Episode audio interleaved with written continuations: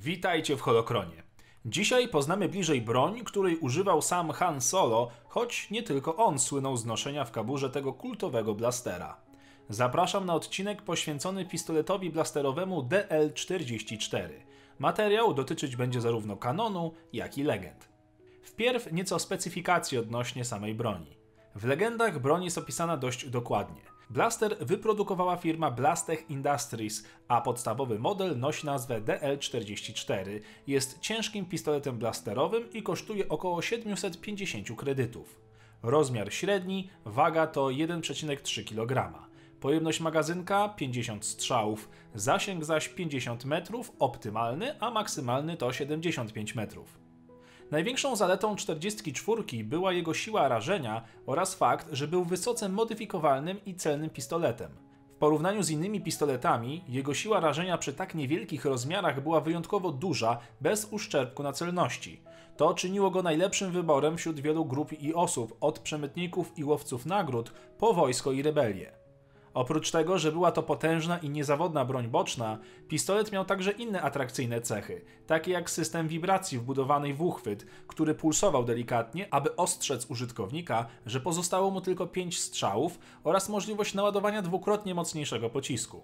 Podobnie jak większość pistoletów, jego osprzęt zazwyczaj zawierał czułą na ruch lunetę oraz obwody galwaniczne, które pozwalały broni zadawać większe obrażenia przy normalnym zużyciu energii i szybkostrzelności.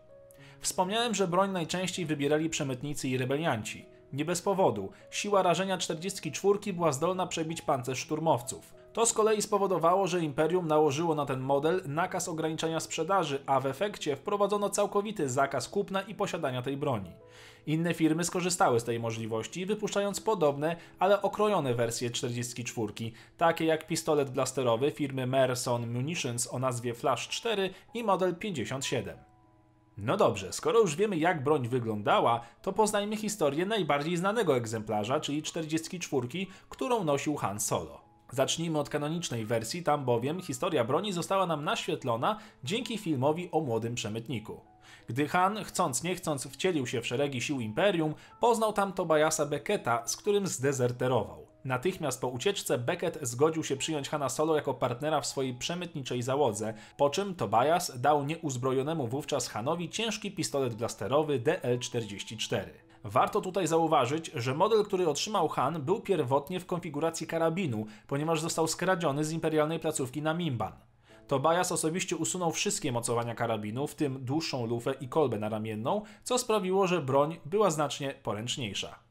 Od tego momentu Han nie rozstawał się z bronią aż do śmierci. W międzyczasie Solo z pomocą tej broni uszedł z życiem zawrotną ilość razy i jeszcze więcej osób tego życia pozbawił.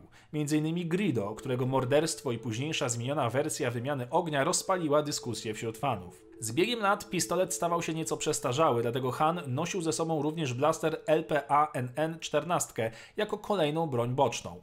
44 jednak nigdy nie opuściła jego pasa, nawet gdy Han zginął z rąk własnego syna Bena Solo. Ciało Hana i blaster zostały unicestwione wraz z wybuchem bazy Starkiller. To tyle, jeżeli chodzi o kanon. W legendach broń oczywiście ma się nieco lepiej, bo i Han Solo wciąż żyje. Problem w tym, że legendy nie oferują praktycznie żadnych dodatkowych ciekawostek na temat tej broni i de facto jej historia jest obecnie bogatsza w kanonie.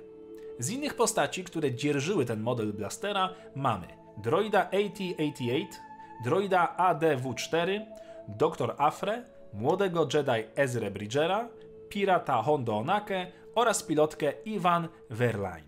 Słów parę o tej broni w prawdziwym świecie. Konstrukcja DL-44 pochodzi z niemieckiego pistoletu Mauser C96 Broomhandle, czesnego pistoletu półautomatycznego z 10-nabojowym magazynkiem. Był on dostępny w wersjach 9 mm Parabellum lub 0,30 Mauser. Wentylator klimatyzacji z przodu magazynka pochodzi z modelu samolotu, a duży tłumik płomienia jest częścią niemieckiego karabinu maszynowego MG81 z myśliwca.